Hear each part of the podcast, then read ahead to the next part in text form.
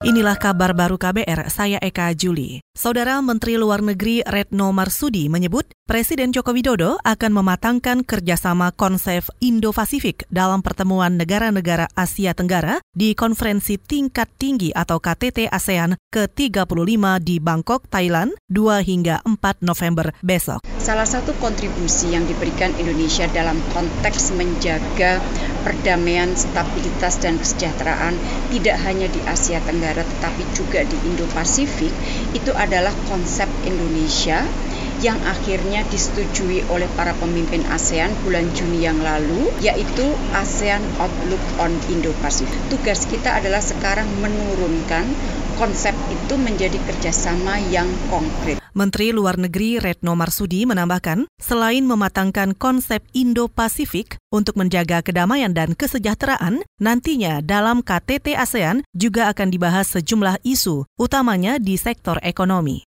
Saudara pemerintah membantah laporan organisasi pemerhati lingkungan Yayasan Nexus Tree dan Basel Action Network atau BEN yang menyebut ada penyelewengan re-ekspor limbah dari Indonesia ke Amerika Serikat. Dalam laporan itu disebutkan limbah tersebut bukan di re-ekspor ke Amerika Serikat tetapi ditujukan ke India, Thailand, Korea Selatan, dan Vietnam. Direktur Jenderal Bea dan Cukai Kementerian Keuangan Heru Pambudi mengklaim semua kontainer berisi limbah itu akan dipulangkan ke negara asal seperti Amerika Serikat. Bea Cukai dengan KLHK terus melakukan monitoring.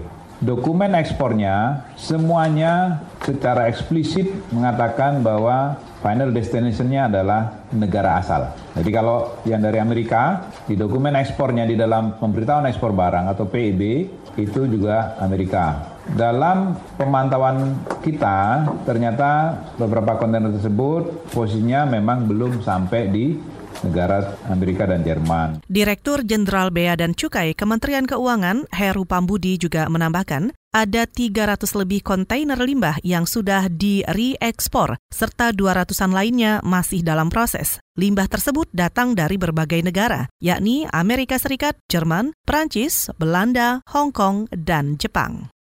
Kita ke informasi selanjutnya. Kementerian Keuangan mengklaim kenaikan iuran Badan Penyelenggara Jaminan Sosial atau BPJS Kesehatan hingga 100% tetap menguntungkan ketimbang produk asuransi kesehatan swasta. Wakil Menteri Keuangan Suahasil Nazara mengatakan BPJS Kesehatan memberikan layanan yang lebih lengkap dan murah. Ia juga mengatakan masyarakat yang keberatan membayar iuran BPJS Kesehatan juga bisa mendaftar agar masuk dalam penerima bantuan iuran yang ditanggung pemerintah. Kalau masalah memberatkan, dikembalikan lagi kepada bayar berapa, mendapatkan benefit apa. Nah, sekarang yang kita dapatkan dari mengikuti BPJS Kesehatan adalah perlindungan kesehatan secara full, sakit full ditanggung. Nah, ini sangat jelas masyarakat telah mendapatkan uh, manfaat bisa dibandingkan kalau kita ke asuransi swasta kait bayarnya berapa. Wakil Menteri Keuangan Suahasil juga mengklaim kenaikan iuran hingga 100% persen masih tergolong murah jika dibanding dengan manfaat yang didapat masyarakat. Soal data BPJS Watch yang mencatat 2,5 juta masyarakat miskin tidak masuk dalam PBI atau penerima bantuan iuran, Suahasil mengatakan semua akan diurus Kementerian Sosial. Ia juga menambahkan pemerintah yang akan membayar iuran BPJS Kesehatan masyarakat miskin yang masuk dalam PBI atau penerima bantuan iuran yang saat ini berjumlah 98 juta orang. Kita ke Jepang. Menteri Kehakiman Jepang mengundurkan diri pada Kamis waktu setempat. Ini pengunduran diri kedua dari kabinet yang baru dibentuk Perdana Menteri Shinzo Abe dalam waktu kurang dari seminggu. Menteri Kehakiman Katsuyuki Kawai mundur setelah muncul laporan media bahwa kantornya memberikan hadiah kepada konstituen. Laporan di majalah mingguan Sukan Busun itu juga mengatakan istri Menteri Kehakiman dan anggota parlemen Partai Demokrat Liberal telah membayar staf kampanye lebih dari apa yang diizinkan oleh hukum. Pengunduran diri mendadak kawai terjadi enam hari setelah Menteri Perdagangan dan Industri Ishu Sugawara juga mundur setelah dituduh melakukan pelanggaran hukum pemilu. Saudara demikian kabar baru, saya Eka Juli.